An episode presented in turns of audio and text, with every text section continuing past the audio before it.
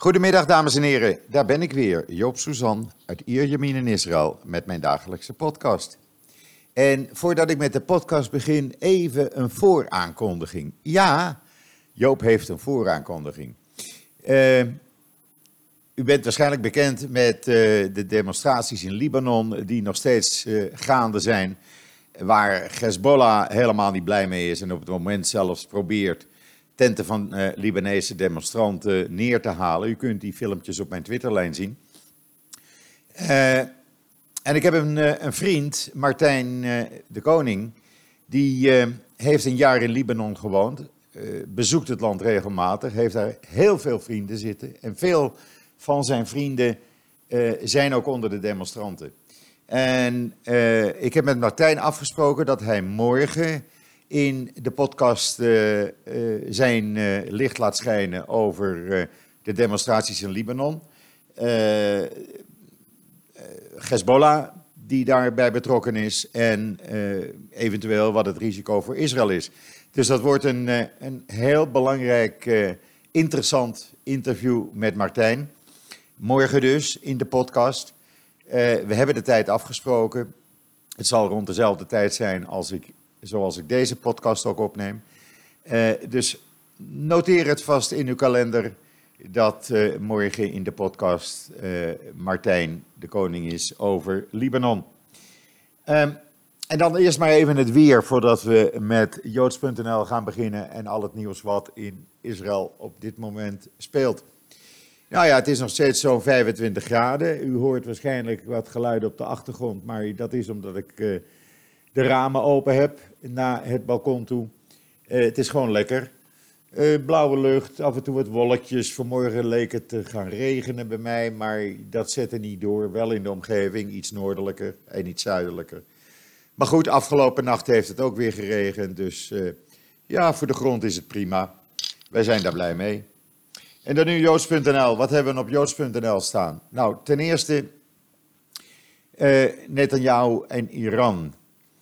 Uh, of, hij nou, of het nou echt zo is of dat het een obsessie van uh, Netanyahu is geworden, Iran, of een combinatie van beide, of dat hij het gebruikt uh, om Benny te dwingen zijn rechtse blok in een regering op te nemen en niet alleen een eenheidsregering met Likud te maken. Ik weet het niet. Ik denk dat hij het een beetje gebruikt als uh, drukmiddel op het ogenblik. Uh, als ik met mensen in de straat praat, ja, men, uh, men neemt het aan voor kennisgeving. Maar in ieder geval, gisteren kwam hij allereerst gisteravond met een waarschuwing dat Iran tracht geleide wapens te ontwikkelen en in te zetten op elk punt in het Midden-Oosten, om elk punt in het Midden-Oosten te kunnen treffen. En daar zou ook bij zijn dat Iran van plan was luchtdoel, of kruisraketten, sorry, kruisraketten in Jemen neer te zetten, om van daaruit op Israël af te, voeren, af te vuren. Hij, zei, uh, hij maakte deze opmerking toen hij met de Amerikaanse minister van Financiën sprak, die bij hem op bezoek kwam, meneer uh. En uh, ja, of dat nou waar is, uh, de, de, specialisten zeggen, ja, nou, dat lijkt, mij een lijkt ons een beetje te ver gezocht, want Iran ligt dichter bij Israël dan Jemen. Dus het is simpeler om een uh, kruisraket vanuit, vanuit Iran af te schieten. Dan heb je minder afstand te overbruggen dan vanuit Jemen. Uh, toen uh, kwam hij vanmorgen met de aankondiging als minister van Defensie dat hij opdracht had gegeven om ambassades wereldwijd, Israëlische ambassades wereldwijd, te beschermen tegen Iraanse aanvallen. En het leger opdracht had gegeven zich voor te bereiden op kruisraketten en andere raketten vanuit uh, Iran. Ja, ik weet het niet. Ik, mijn mening is dat hij het uh, als politiek middel op het ogenblik uh, gebruikt. Want ik denk dat het gevaar namelijk groter is vanuit Hezbollah. Natuurlijk, Hezbollah is uh, onder commando van Iran. Ze hebben zo'n 130.000 uh, raketten. Die zijn over het algemeen onnauwkeurig. Maar men is bezig om die om te zetten in precisiegeleide raketten. Dus daar zullen ze er eh, enkele tientallen, misschien een honderd stuks van hebben.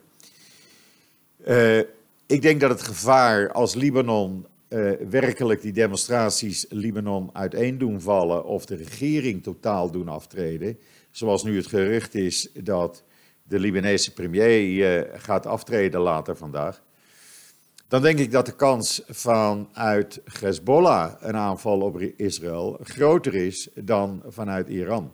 Omdat het voor Iran makkelijker is uh, Hezbollah in te zetten om Israël te bestrijden. En op op die manier de aandacht van wat er in Libanon gebeurt uh, te verwijderen naar Hezbollah en Israël, die in een oorlog verzeild zouden kunnen raken. Het is allemaal politiek spel. Eén ding is zeker, dat het in Libanon natuurlijk niet goed gaat. Men wil af van uh, al die zittende oude garden, inclusief Hezbollah. Men zegt, eh, de jonge demonstranten, want het zijn over het algemeen jongeren, zoals ook de Arabische lente ook begon.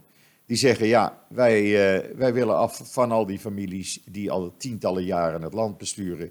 En wij willen van, af van Hezbollah, we willen geen terreurmachine in Libanon hebben. Libanon is een onafhankelijke staat. Het is een prachtig land, hoorde ik ook van uh, Martijn uh, de Koning. En ja, dat wordt eventjes verpest allemaal door Hezbollah en hun Iraanse vrienden, plus de oude zittende garde. Dat is voor de stabiliteit natuurlijk niet goed. Uh, hoe dat verder gaat, ik weet het niet. We zullen het, uh, het afwachten. het is wel zo dat gisteren tijdens het gesprek tussen Benny Gans met Netanyahu er geen vooruitgang is geboekt voor een nieuwe regering. Uh, Netanyahu blijft op het standpunt staan. Ik vertegenwoordig het rechtse en uh, ultra-orthodoxe blok. 45 Knessetzetels hebben wij. Uh, en daar moet je het mee doen. En Benny Gans zegt op zijn beurt, en daar heeft hij gelijk aan: ik ga niet met een blok onderhandelen. Ik onderhandel met partijen. En sinds jij de partijleider bent, Netanyahu, van de Likud, onderhandel ik met jou als leider van de Likud en niet van een rechtsblok. Nou, zolang Netanyahu zijn poot stijf blijft houden, zal daar ook niks gebeuren. Uh, komende donderdag zal uh, Gans een ontmoeting hebben met de leider van de gezamenlijke Arabische partijen. Uh, dat kan ook als een drukmiddel naar uh, Netanyahu toe worden uitgelegd, maar het kan ook zo zijn dat misschien Gans toch denkt om een Arabische partij of in de regering op te nemen. Of die als uh, ja, supporterpartij in de Knesset te hebben. Uh, we moeten afwachten hoe dat gaat. In ieder geval, Netanyahu houdt zijn poot stijf. En Netanyahu is alleen maar bezig met, uh, met Iran. Zoals Jair Lapid van Bloemenwaard gisteravond ook zei, heel simpel, Netanyahu als je nou gewoon als partijleider van de Likud met ons onderhandelt en je gaat akkoord met die rotatieovereenkomst voor premierschap, dan hebben we binnen 48 uur een regering. En u moet zich eh, niet vergeten, u moet niet vergeten dat Israël eigenlijk sinds december verleden jaar met een demissionaire regering zit. Er gebeurt niets. Begrotingstekort is 4% en loopt op. Uh, op sociaal gebied wordt er uh, niks gedaan. De ziekenhuizen komen geld tekort. De, uh, de bezettingsgraad in ziekenhuizen is 120%, omdat men ook gangen en eetzalen nu als ziekenhuis, voor ziekenhuisbedden gebruikt. Er gebeurt gewoon niets. De huizenbouw is een zooitje. en Netanyahu heeft het alleen maar over Iran en vergeet wat er hier in Israël daadwerkelijk aan de hand is. Eh, daarnaast heeft Netanyahu gezegd: ik wil meer budget voor de IDF en minder voor de civiele doeleinden. Met andere woorden, eh, ook alweer eh, door zijn obsessie met Iran. Er moet nog meer geld naar ehm, eh, de IDF en minder naar. Eh, eh, en minder naar sociale doeleinden. Nou, dat betekent dat mensen met een, eh, een staatspensioen nog minder gaan krijgen. terwijl de prijzen oplopen en die mensen al, al lang, al jaren niet de touwtjes aan elkaar kunnen krijgen. En gewoon in bittere armoede zitten. Maar net in jou schijnt daar geen, ja, geen zin in te hebben om daar iets aan te gaan doen. En houdt het alleen maar op Iran. Want er gaat geen gesprek voorbij of hij begint daarover. En ja, zo langzamerhand zegt men hier in Israël, het lijkt een beetje op uh, uh, ja, een obsessie. Uh, we zullen kijken in de komende dagen wat er allemaal gaat gebeuren. ik laat het u natuurlijk gelijk weten via Twitter, maar ook via joods.nl. Daar kunt u van verzekerd zijn. En dan voor het eerst in de geschiedenis is er een vrouw benoemd als hoofd van uh, een inlichtingendienst van de IDF. Uh, de naam wordt niet bekendgemaakt, alleen haar eerste letter, Noen, de N, uh, vanwege veiligheidsredenen. Maar zij is benoemd als de volgende chef intelligence officer voor het IDF Centrale Commando op de westelijke Jordaanoever. ze is sinds 2000, het jaar 2000 in dienst van de IDF, dus zo'n 20 jaar heeft ervaring met inlichtingenwerk, eh, doordat ze een groot aantal posities binnen de militaire inlichtingendienst heeft uh, gehad. Uh, en het is, uh, ja, het is bijzonder. Het is eigenlijk de tweede keer binnen een maand dat een vrouw een hoge positie bij de IDF heeft gekregen. dit dus intelligence officer voor de hele westelijke Jordaanover, wat heel belangrijk is. En een maand geleden is een vrouwelijke kolonel, Gimel met een G, benoemd tot uh, commandant van het Nachsom Squadron of Surveillance vliegtuigen. En dat is ook voor het eerst geweest dat een vrouw uh, het commando over een uh, squadron vliegtuigen heeft gekregen. ja, ik vind dat een goede zaak. En waarom niet? het is heel normaal. Vrouwen in Israël hebben vaak op sommige plekken belangrijkere taken uh, of banen dan uh, mannen. En dat is helemaal geen probleem. Ik weet nog dat mijn uh, kleine nichtje van 1,52 meter tijdens haar diensttijd, die zij langer heeft gedaan om wat extra geld bij te verdienen. Ze zat zo'n drie, vier jaar in dienst. was zij met haar 1,52 instructrice op een Merkava-tank. Nou, iedereen die weet hoe een Merkava tank eruit ziet, anders zoekt u het even op op Google, dat zijn enorme grote tanks. En zij ging dus die, al die grote kerels, al die grote jongens even leren hoe je met zo'n tank omgaat. En dat, was, dat is ook heel normaal. Uh, maar goed, 1,52 meter, ik geef het u te doen. Uh, en zij was dus ook commandant en instructrice. Uh, Koesner was weer even in het land met een delegatie. En voor het eerst in jaren sprak hij niet alleen met Netanyahu. Nee, hij ging allereerst naar Benny Gantz toe. Eh, rekening houdende met dat Benny Gantz best wel eens de volgende premier van Israël zou kunnen zijn. Eh, het was een heel goed gesprek. En volgens de pers hier in Israël eh, kwam eh, Benny Gantz over als een, eh, als een staatsman, als een diplomaat. Uh, als u de foto kijkt op joods.nl, dan zult u dat ook moeten beamen. Heel goed, uh, later ging hij dan, uh, Koesner, naar uh, Netanyahu toe. Maar goed, dat was minder belangrijk, kwam ook veel minder in het nieuws dan zijn ontmoeting met Benny Gans en Yair Lapid. En dan op joods.nl, op het laatste moment is voorkomen dat Palestijnen op een belangrijke archeologische plek illegaal gingen bouwen. Ja, echt waar.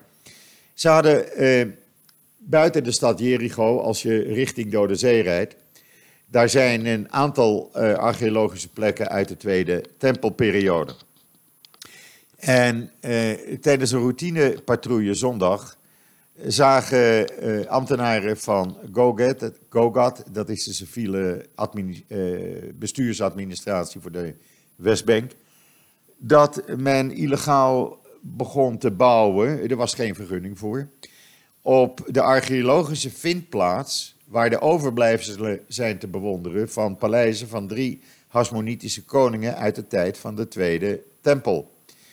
Uh, men heeft meteen in beslag genomen uh, de bakstenen, het beton, bouwmaterialen en verschillende zware uh, machines en auto's, waaronder hijskranen en vrachtwagens.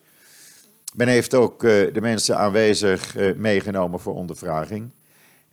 want dit is een archeologisch gebied en daar moet je zuinig op zijn. Ik heb het wel eens bezocht. Als je naar de Dode Zee gaat, ligt het links van de weg. En dat is bezaaid ook met grafgrotten. Er zijn uh, mikwes, rituele banen, baden te vinden.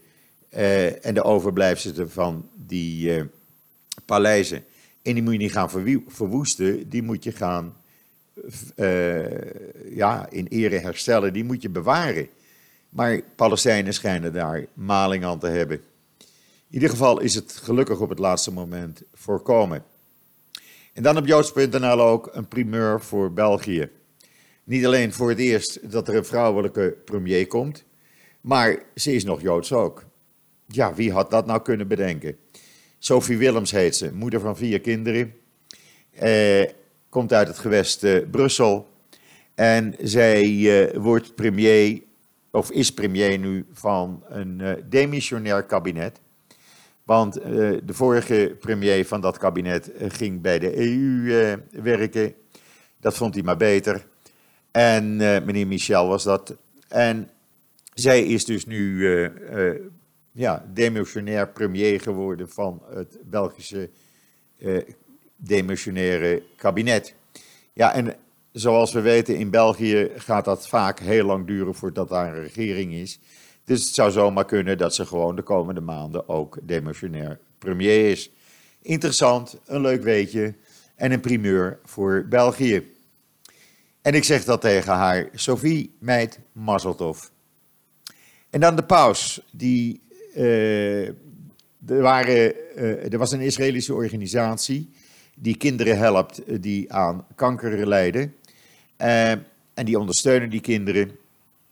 En die NGO was met een aantal kinderen, uh, een Joods kind, een moslimkind en een christelijk kind uit Israël, naar de paus toe gegaan. U kunt de foto ook zien op joods.nl. De paus was erg ontroerd. En hij, de paus vroeg na afloop van de ontmoeting, zei hij, goed gedaan met uw gezegende operaties. En ik vraag u om voor mij in Jeruzalem te bidden en voor alle kinderen in de wereld. Nou, dat is heel bijzonder natuurlijk. En men was ook erg uh, onder de indruk. Uh, deze organisatie maakt geen onderscheid tussen Joodse, christelijke of moslimkinderen. Alle kinderen worden geholpen. Het is een heel mooi verhaal. Leest u het op joods.nl. En dan uh, de Israëlische smart transport startup VIA. Die start in Californië met zelfrijdende carsharing diensten in Irvine in de staat Californië. Uh, ze doen dat samen met Hyundai en een Chinees bedrijf Ponu Ai. Uh, Via trouwens is ook in Nederland niet onbekend, want daar organiseren zij ook uh, deelrijd, uh, autodeelrijddiensten, carsharing diensten. Um, maar deze carsharing, dat zijn dus auto's zonder chauffeur. Je gaat dan met je app op je smartphone, bestel je de auto. De app laat je zien wanneer de auto aankomt en waar die precies bij je voor de deur stopt. En je stapt in en je wordt naar je bestemming gereden waar je weer uit kan stappen. En onderweg haalt hij mensen op en gaan mensen er weer uit. Nou, we zullen het zien. Het is de toekomst. U kunt de video zien op uh, joods.nl, hoe dat werkt. Het is heel interessant. Uh, en zoals ik zei, VIA werkt al in, uh, met hun carsharing diensten in Amsterdam, maar ook in New York, Washington, Chicago, Londen, Sydney, Parijs, Berlijn en Tokio. En zijn onlangs begonnen ook in Tel Aviv daar doen ze een soort deelbusdienst. Uh, dat schijnt ook te werken. Ik heb die busjes wel eens zien rijden voor tien mensen. Heel interessante ontwikkelingen. Uh, lees het op joods.nl. Ook op joods.nl. Er was een, uh, een Palestijnse studente in de staat Illinois van de Benedictine University in Lisle. En er was een toespraak door professor Harald Kazimov. Hij is in de tachtig. Uh, en hij is een overlevende van de Holocaust. En halverwege zijn toespraak, toespraak onderbrak ze hem. En vroeg zij hem. Uh, uh, ik weet dat je zeker weet wat er in Palestina gebeurt. En mijn vraag aan jou is: aan jou. Steun of veroordeel je de oprichting van de Zionistische staat Israël? En is het oké om mensen te verbannen, wat eigenlijk een, betekent een etnische zuivering van alle Palestijnse mensen, zoals eh, de Zionisten doen? En dat gebeurt op dezelfde manier waarop een etnische zuivering tegen het Joodse volk plaatsvond, daarmee doelend op de Holocaust, waarbij 6 miljoen mensen werden vermoord in de gaskamers. Zij onderbrak hem, dus u kunt het filmpje zien op joods.nl. En uh, de professor antwoordde Ehm, eh, luister, uh, het Israëlisch-Palestijnse conflict maakt geen deel uit van mijn ervaring. Israël, vindt hij, of zei hij, moet, uh, moet blijven bestaan als land. En hij zei dat beide partijen de verantwoordelijkheid van het conflict dragen en dat ook samen moeten oplossen. Het is een ingewikkeld probleem en er zijn veel Joden en Palestijnen in interreligieuze centra betrokken om proberen een oplossing hiervoor te vinden. Maar of Israël zou moeten bestaan, zei de professor, ja, ik geloof dat Israël moet bestaan. Nou, dat vond zij eh, helemaal geen goed antwoord. En ze stond op en liep de zaal uit met haar eh, mede-Palestijnse vriendinnen van eh, haar Palestijnse universitaire actiegroep. Ik vind dat onbeschoft en ik heb daar ook geen woorden voor. Uh, deze dame is niet in uh, de Westbank geboren, haar ouders misschien.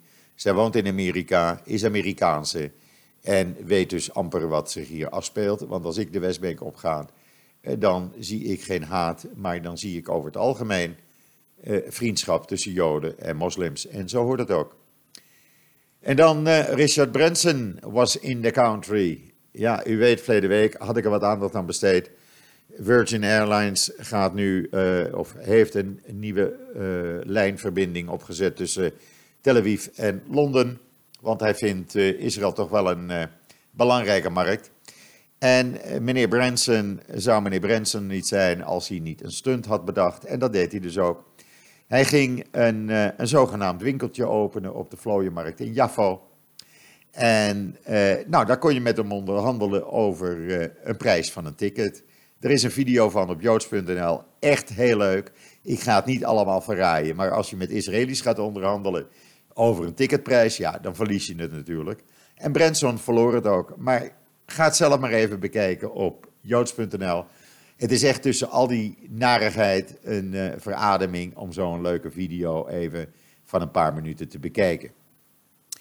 En dan, uh, Israël is echt bezig aan een inhaalslag op het ogenblik voor wat betreft Polar solar-energie, zonne-energie. op een overdekte parkeerplaats in Emmek-Heffer, dat ligt een kilometer of acht waar ik woon, noordelijk hiervan. Daar komt een parkeerplaats van 3400 vierkante meter met een dak daarboven. En dat dak is een solardak, solarpanelen. Dat gaat een capaciteit opwekken van ongeveer 130 kilowatt. Uh, het wordt uh, binnenkort, uh, over een aantal maanden, gaat men het tweede gedeelte doen. Dan wordt het 7800 vierkante meter in totaal, ook met zonnepanelen. Er zijn 50 parkeerplaatsen onder, er zijn laadpalen onder voor elektrische auto's. Er wordt elektriciteit geleverd, zo'n 250.000 kilowattuur per jaar aan het landelijke elektriciteitsnet. Men is ja, men is bezig met een inhaalslag. Het is wel zo dat uh, Israël natuurlijk ver achterloopt nog. Uh, de doelstelling is uh, eh, 10% van de energie volgend jaar moet zijn uit solar energie. En dat is op dit moment, as we speak, nog slechts 4%. Dus, dus dit helpt wel. En ook in de Negev, in de Arava, is men bezig met een giga-solar project met tienduizenden zonnepanelen. Ook dat kunt u op joods.nl terugvinden. Dus ja, er gebeurt heel wat op dit moment in Israël. Het zijn echt inhaalslagen. Uh, en ik ben daar blij om, want het werd eens een keer tijd. We hebben verdorie 300 dagen zon per jaar. Zelfs in de winter. Dan is het toch uh, niet meer dan logisch dat je dan ook uh, ja, solarenergie gaat gebruiken. Het kost niks. En dan de moeder van de in Rusland gegijzelde Israëlische Nama Issachar. Die is ten einde raad, want ze mocht haar dochter niet bezoeken. En ze mocht ook geen telefoontje met haar plegen van de Russen. En ze zijn bang dat ze wordt overgeplaatst van een gevangenis in Moskou naar een gevangenis in Siberië. Het blijkt dus dat meneer Poetin zich niets aantrekt van uh, uh, de verzoeken van, zoals Netanyahu het zegt, of heeft gezegd, aan mijn vriend Vladimir, om haar vrij te laten. Nee, hij wil die Russische hacker vrij hebben, die in Israël gevangen zit. We zullen zien hoe dat afloopt. Om zes uur vanavond geeft de minister van Justitie in ieder geval een hele belangrijke toespraak. Of komt hij met een belangrijke mededeling, zegt hij. Ik laat het u weten, zodra ik weet wat hij ook gezegd gaat, uh, zal hebben. En dan meneer Bernie Sanders, die doet nog een schepje erbovenop naar zijn collega voor het democratische, uh, uh, de democratische presidentschap, Elizabeth Warren doet hij daar nog een schepje bovenop. Elizabeth Warren had van de week gezegd van, nou, we moeten maar druk uitoefenen op Israël om een twee-staten-oplossing akkoord mee te gaan. En we gaan gewoon de militaire hulp aan Israël verminderen. Benny Sanders uh, doet daar een schepje bovenop, want die zegt, nee, we gaan het wel verminderen, maar het deel wat we bij Israël eraf halen, een paar miljard, geven we aan de Hamas-leiders. Natuurlijk. Uh, dat gaat dan uh, niet naar de Palestijnen in Gaza toe, maar dat komt dan terug in de zakken van de Hamas-leiders. Maar goed, wat kan je verwachten van de linkse democratische Bernie Sanders? En dan de nieuwe minister van Buitenlandse Zaken van Zweden. We dachten dat haar voorgangster erg was. Nou, zij laat al meteen zien dat zij er niet voor onderdoet. BDS is, BDS is oké, prima. Jongens, ga je gang maar in Zweden jullie zijn ook niet antisemitisch. Nee, dan heeft ze waarschijnlijk de statuten nooit gelezen van uh, de BDS. Want in de statuten staat heel duidelijk, wij willen Palestina van de westelijke Jordaanover tot de Middellandse Zee. En dan Facebook heeft de account van een anti-Abbas-activist die 1 miljoen volgers heeft, gesloten omdat hij kritiek heeft op Abbas. Dan weet u dit ook weer. En in Oslo tenslotte is de gemeenteraad akkoord gegaan om geen producten meer te kopen die afkomstig zijn van de Israëlische nederzettingen in Judea en Samaria of afkomstig van bedrijven, Israëlische bedrijven, die ook een vestiging in uh, een van die nederzettingen heeft. Nou, dan weten we dat ook weer. Uh, binnenkort zal dat in Amsterdam ook wel gaan gebeuren. Goed, dat brengt mij tot het einde van deze uh, volle podcast, mag ik wel zeggen. Nogmaals even de herinnering. Morgen dus in de podcast een uitgebreid interview met Martijn van der Kooi over Libanon. Dan hoort u uit de eerste hand over de situatie, omdat hij veel vrienden onder de demonstranten in Libanon heeft. Ik kijk er in ieder geval al naar uit. En dan uh, ja, rest mij nog u een hele fijne voortzetting van deze uh, dinsdag, de 29 oktober, toe te wensen. Het is de laatste 29 oktober 2019, zoals Steven Stassen zegt. En wat mij betreft, zoals iedere dag, tot ziens, tot morgen.